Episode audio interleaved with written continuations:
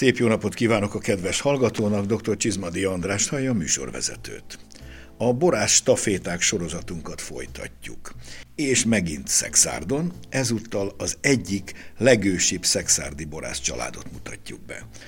Már az 1700-as évek elejétől származó, és azóta is használatban lévő családi címeren egy peckesen sétáló róka gigantikus méretű szőlőfürtött cipel, könnyed eleganciával, bizonyítva, hogy a család már ekkor biztosan, és vélhetőleg már az előtt is foglalkozott szőlővel. És ha már szőlő volt, az bizonyára borrá is változott. A történelem tanúsága szerint a Szexárd első hegybíróját is egy Vesztergombi töltötte be György úr személyében. A szőlőről és a borról való tudás itt is apáról fiúra szállt évszázadokon át, a szocialista korszak itt is némi megtorpanást jelenthetett, ráadásul a helyzetet tovább súlyosbította egy koronaőr apa árnyéka. A 90-es váltás után a visszaszerzett szőlő és pince lehetővé tette az újraindulást a magánszférában. Szexádról az első érretörő borászat. Meg is lett az eredménye. Vesztergombi Ferencet 1993-ban harmadikként választottuk az év borászává. Aztán jöttek a további címek, kitüntetések, díszpolgárság, stb. A történet innen folytatódik. Időközben felcseperedik Vesztergombi Csaba, és előbb-utóbb ő is belefolyik a munkába, mi mást is tehetett. Szerény fiú, de a dolgát elég jól csinálhatja, ennek egyik biztos jele, hogy pár éve már ő az évborásza cím egyik stabil jelöltje. Őket szeretném alaposabban bemutatni. Tartsanak velünk, szabadítsuk ki a szellemet ismét a szexárdi palackokból.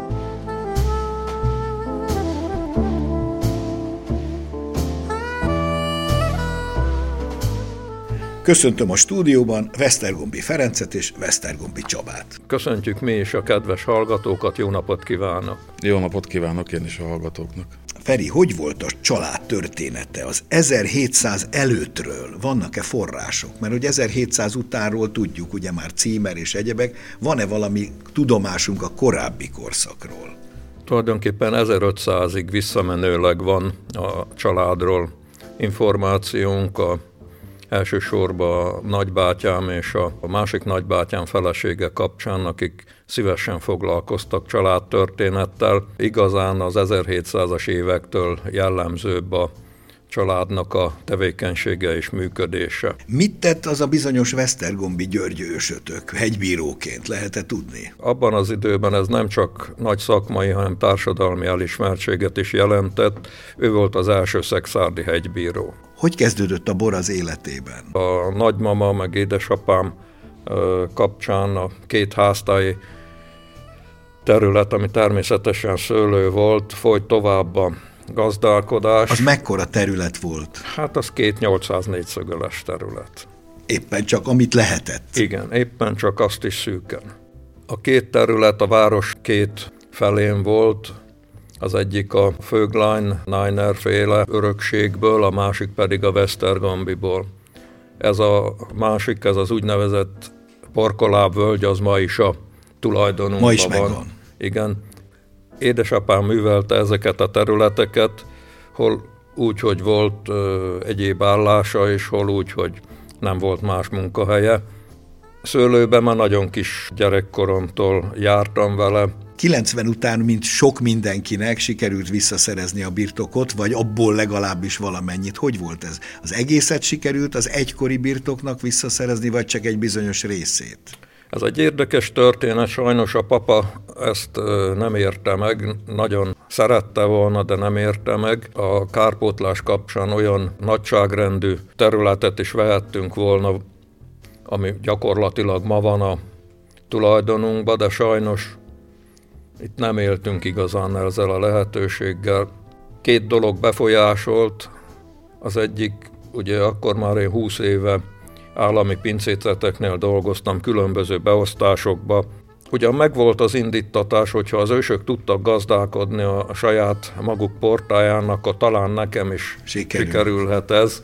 De édesanyánk úgy fogalmazott, hogy az ő nevén lévő kárpótlási jegyekkel azt csinálunk, amit akarunk, de azt ne felejtsük el, hogy tőlünk már elég sokszor, elég sok mindent elvettek. És az ördög nem alszik. Igen, és ez, ez, egy picit visszahúzó erő volt. Ezt sajnálom azóta is, de hát az élet megy tovább, így történt. Az első sikerélmény azt hiszem, hogy a 93-as évborásza választás volt. Időrend és sorrendben megelőzte egy bordói borverseny, ahol kettő borunkat neveztük, egy Cabernet sauvignon és egy Merlot, az idő tellett, már nem, nem is nagyon gondoltunk rá, majd egyszer megjött a postás, hozta azt a szép ö, oklevelet. oklevelet csomagolva, és hát nyilván nagy örömmel ö, nézegettük, ugyan nem értettük, mert ékes francia nyelven volt írva, de azt, hogy gold, azt azért... A gold az gold. Azt azért...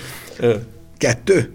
Egy arany és egy bronzérmet nyert. Egy arany és na hát az indításnak nem rossz. Mindjárt a 90-es évek elején jár. Igen. Utána történt a másik nagy esemény, amikor hát az év bortermelőjévé választották. Az szintén nagy öröm volt, és komoly visszaigazolás, hogy talán jó úton járunk, vagy jó úton indultunk el.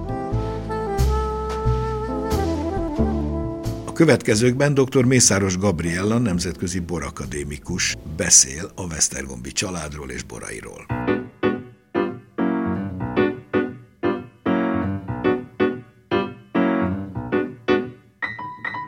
abszolút meghatározó, nem kizárólag Szexárdon, hanem Magyarország összes borvidékét alapul véve úgy gondolom, hogy az egyik legstabilabb pincészet.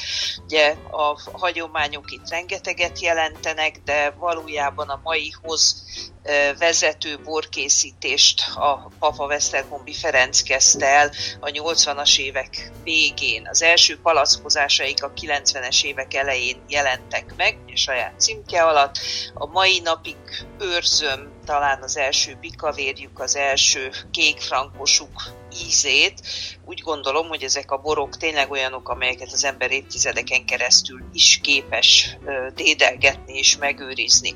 Amiért én az ő boraikat kifejezetten kedvelem és sokra értékelem az az, hogy az egyéni stílusukat, az egyéni arcukat valójában soha nem adták föl. Tehát ez alatt a 30 év alatt jöhetett bármilyen divat, ők nem álltak be a sorba, hanem amit saját maguk a saját területeikről, szexáldról és ugye a vörösborokról gondoltak, az következetesen és folyamatosan betartják. Akkor nem mondhatjuk azt, hogy az újítások rovására megy, hogy ők ragaszkodnak a hagyományokhoz. Nem, szerintem semmiképpen, és ne felejtsük el, hogy a világnak a komoly borászatai, teljesen mindegy, hogy Franciaországról, Németországról vagy Olaszországról van szó, azok azért mindig olyan családi, több száz éves hagyományokra épülnek, ahol a pozitív dolgokat úgy tudták átvenni, hogy a modern technológia is bejöjjön a borkészítésbe, de az alapokat soha nem adták föl. Ki segít nekik ebben? Mert ugye vannak ketten, apa és fia, de mindig egy háttércsapatra is gondolni kell, ha egy igen, ilyen Igen, és úgy gondolom, hogy Vesztergombi Piroska, ugye a mama neve mindenképpen megjegyzésre érdemes, nem csak azért, mert Szexárd környékén talán ő készíti a legjobb halászlét és a legfinomabb kadarkás kalácsot, de egyszerűen azért, mert rengeteget ö, dolgoztak annak idején valóban együtt, egy családban. Én nagyon-nagyon emlékszem rá, hogy a kezdetekkor milyen volt, amikor a családi házban a címkéket szépen kézzel ragasztották. Ugye Piroska volt az, aki a legprecízebben tudta ezt elkövetni, és hát így többnyire mindig benne maradt a címkézésben, úgyhogy ő ezt nagyon-nagyon sokáig lelkesen és a háttérből valóban folytatta. Úgy gondolom, hogy ez óriási munka. Ugye ma már egészen más léptékben dolgoznak, de soha nem szabad elfelejteni, hogy honnan indultak. Uh-huh. Szexárdra nagyon jellemző, hogy nagyon sok kiváló borász család termel és borászkodik ott azon a területen. Ez a területnek a, az előnye, a vívmánya, vagy pedig azoké, akik, akik ebből jó borokat készítenek? Ugye a szexárdi területek kifejezetten kedvezőek a szőlőtermesztéshez, ugye egy viszonylag homogén és erős, de mély, löszös réteg az, ami fedi a nagyon-nagyon különleges, szép lankás dombokat. Ugye sokan azt mondják, hogy jó, hát a szexádi borok egyformák, mert mindenütt lösz van. Ez valójában egyáltalán nem igaz, mert ott van ugyan a lösztakaró, de a löszös rétegek alatt vannak bizony vasoxital szennyezett és olyan messzes területek is, amin, hogyha a szőlő gyökere át tud menni és talál magának jó kis tartalék vizet, akkor vízben oldható ásványi anyagokat is tud fölvenni.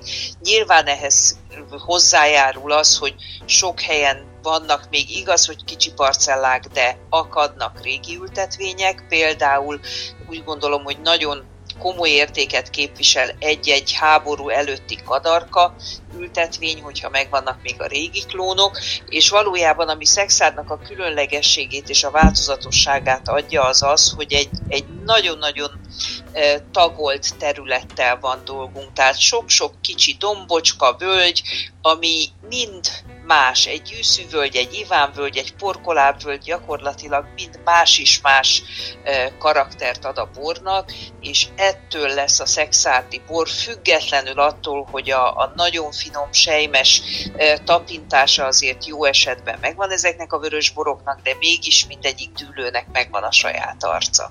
Ugyanígy a Vesztergombi pincészet arca is megvan?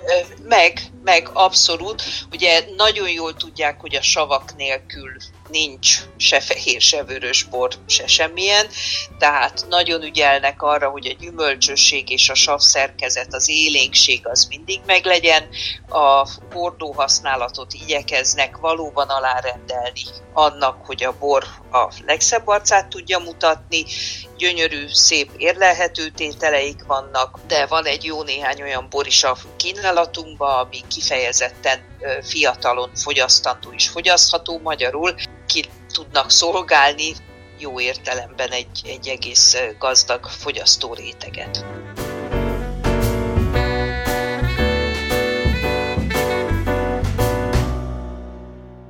Csaba mikor került bele a képbe? Ugye belenőtt, aztán egyszer csak ő is, őt is bevonták, ugye a Csabát bevonta a pincészet életébe.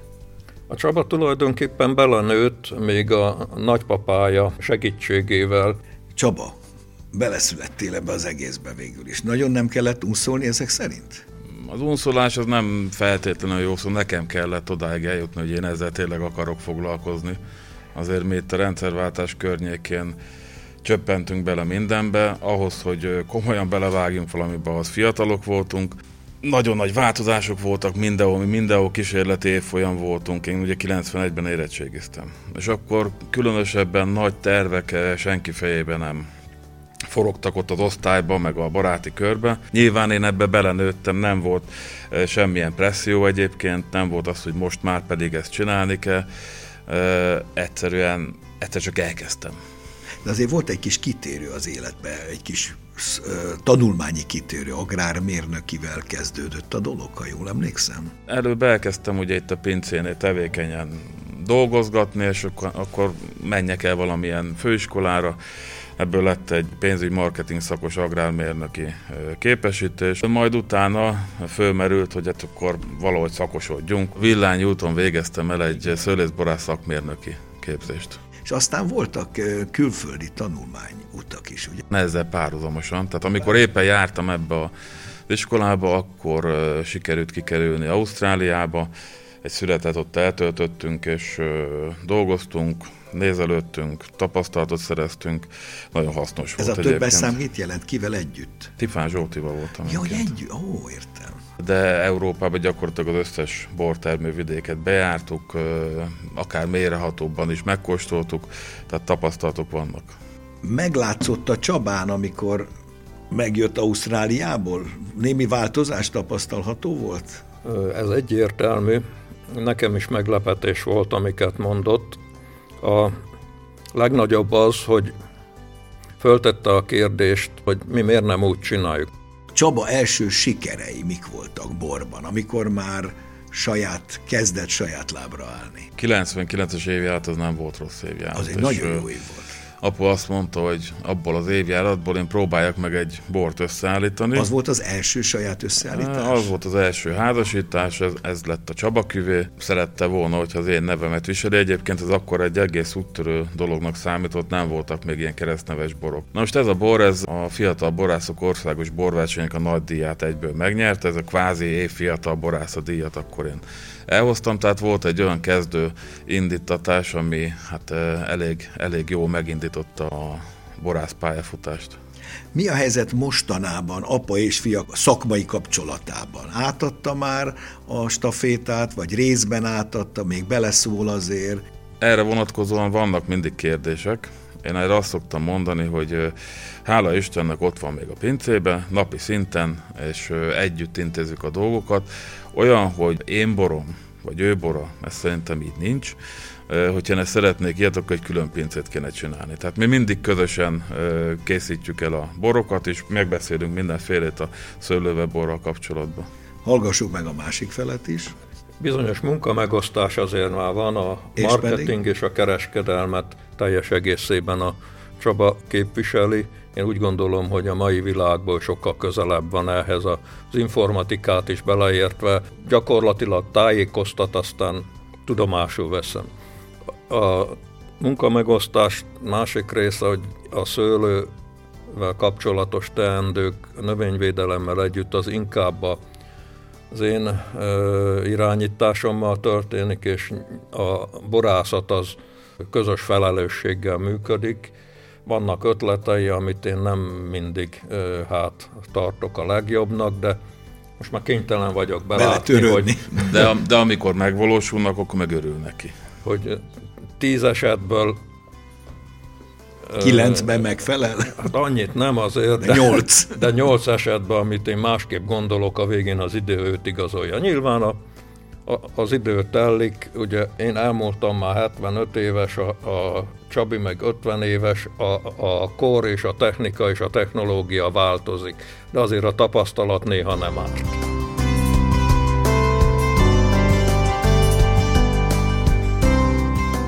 Hallgassuk meg Szigeti Gábor író rendezőt a Vesztergombi családról és annak borairól.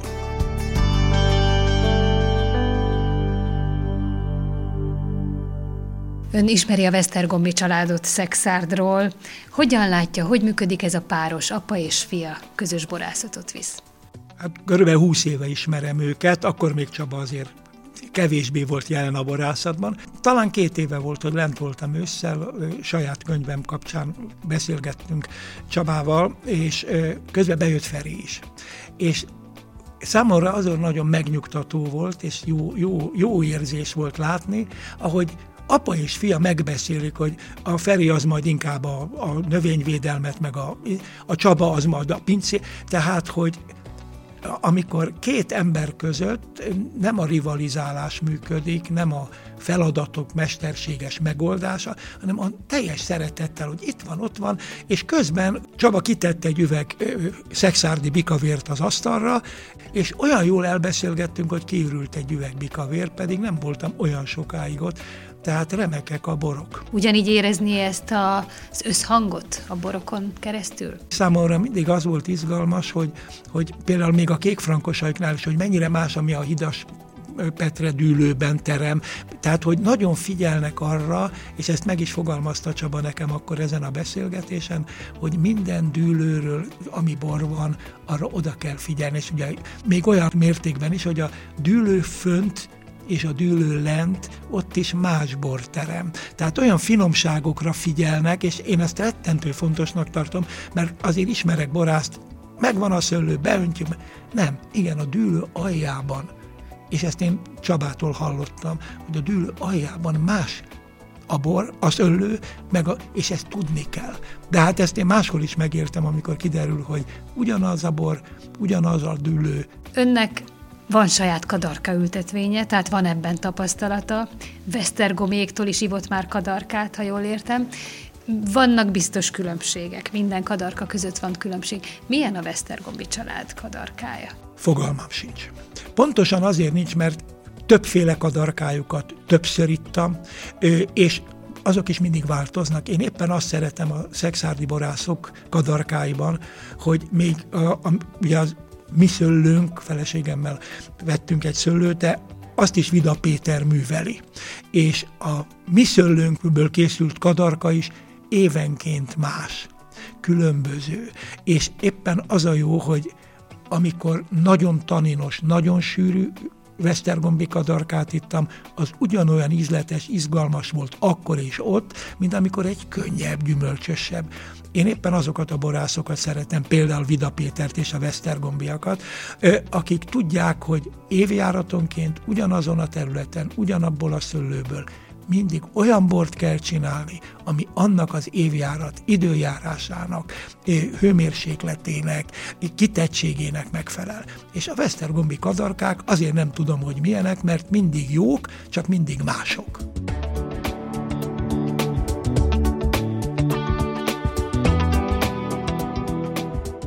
A szőlőbirtokról tudhatjuk, hogy olyan 27-8 hektár, tehát elég ember léptékű, van-e tervben további bővítés, vagy ez pont elég? Jelenleg 30 hektárosok vagyunk, és úgy gondoljuk, hogy ez a mi részünkre elegendő, nem feltétlenül szeretnénk mi ezt bővíteni. Extrém esetben, hogyha tényleg nagyon szomszédos terület lesz eladó, akkor elgondolkozunk rajta. Valami nagyon jó terület. I- igen, de alapvetően nem tervezzük a bővítését a birtoknak.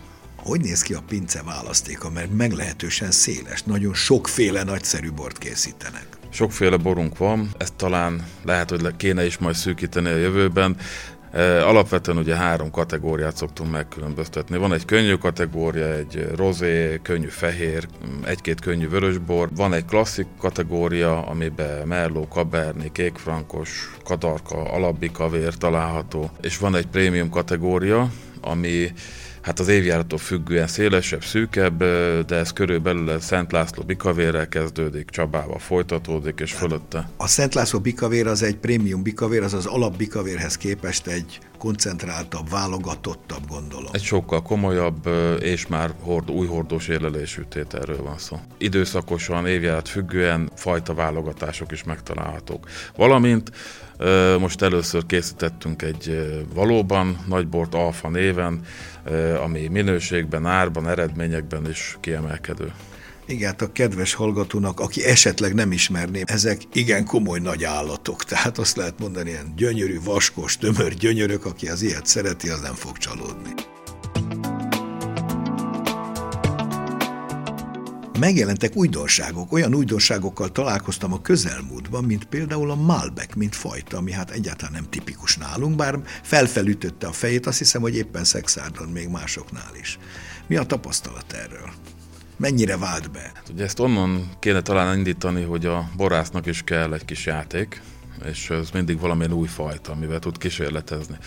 Ez egy jó darabig nálunk a siráz volt, aztán a siráz az kinőtte magát, abszolút jó bedolgozta a borvidékbe is magát. Egy nagyon jó fajtája lesz ez a szexárdi borvidéknek. Most a Malbec került kiválasztásra, ahogy mi a világba kóstolgattuk a borokat, ez nagyon tetszett nekünk, nagy világfajták egyike, Merlóval nagyon hasonló igényei vannak, úgyhogy megpróbáltuk a szexárdi borvidéken is, nem csak mi, tényleg valóban szexárd, most már azt lehet mondani, hogy ma a Beck nagy hatalom Magyarországon. Mészároséknak van az Mészároséknak, a Bodrinak, és Bodrinak. vannak többen, akik még nem palackolták. Egymástól vérszemet kapnak a gazdák. Jó fajta ez a Malbec. Mi úgy, úgy, úgy látjuk, hogy nagyon sokra hivatott lehet. Kiderül, hogy van élet a kabernéken túl is.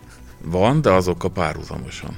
Mik a visszajelzések a borívó társadalomból? Minden kategóriának, minden fajtának megvan a fogyasztója. Itt van átjárhatóság is nyilván, főleg az újdonságokra mindig kíváncsiak.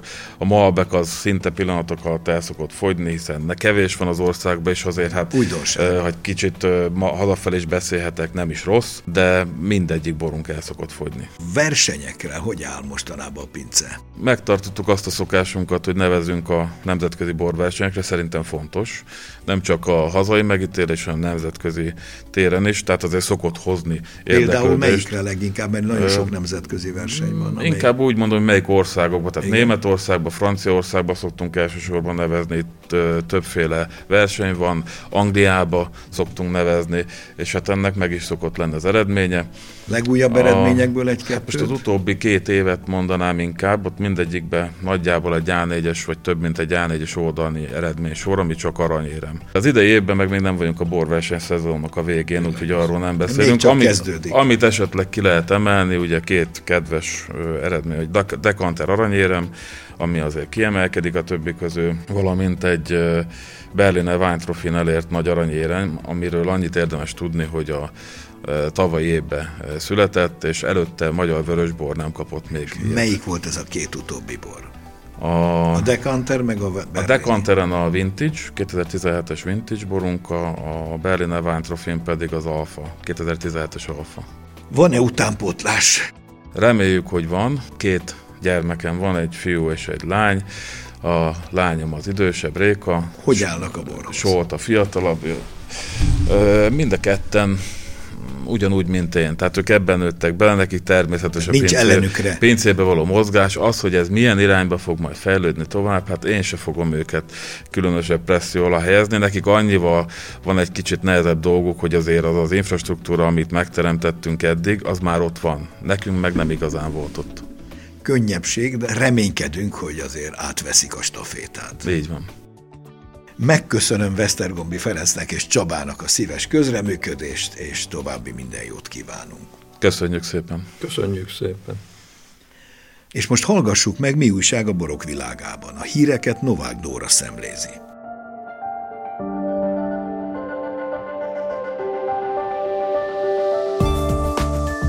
Csak nem száz magyar bor szerzett érmet a Nemzetközi Szőlészeti és Borászati Szervezet védnöksége alatt rendezett legnagyobb németországi versenyen, a Berliner Wein Trophy nevű mustrán.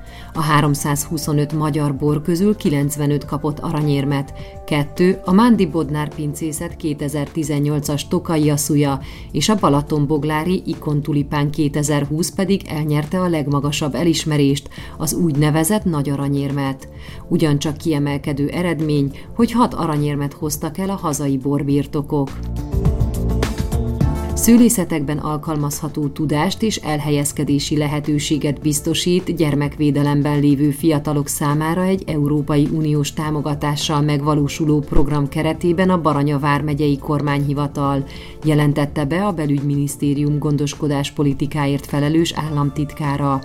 Fülöp Attila a program keretében Baranya vármegyében tevékenykedő borászok, szőlősgazdák számára rendezett Pécsi Munkáltatói Fórumon reményének adott hangot, hogy a kezdeményezés megmutatja, a gyermekvédelemben lévő fiataloknak képes jövőt adni a szőlészet és a borászat. Országhódító útjára indul a hegyke, azaz a Zalai közösségi bormárka. A 2022-es évjáratot már hat Zalai pince palackozhatja. A résztvevők célja nem kevesebb, mint a magyar borszeretők szívének elnyerése, a titokzatos zalai borvidék népszerűsítése. A szakmai zsűri döntésének megfelelően a mezőnyből a Cézár pincészet, a Dóka Éva pincészet, a Kányavári borbirtok, a Keszler birtok, a Mándli pincészet és a Tóth pince lett jogosult a különleges tétel forgalomba hozatalára.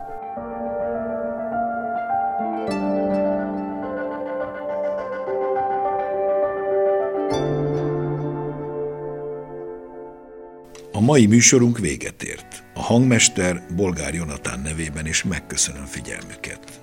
Dr. Csizmadi Andrást hallották. Szép napot, jó borokat kívánok, még jobb szexárdi borokat. Az elhangzott műsort a Duna Média Szolgáltató Nonprofit ZRT megrendelésére készítette az NTVA 2023-ban.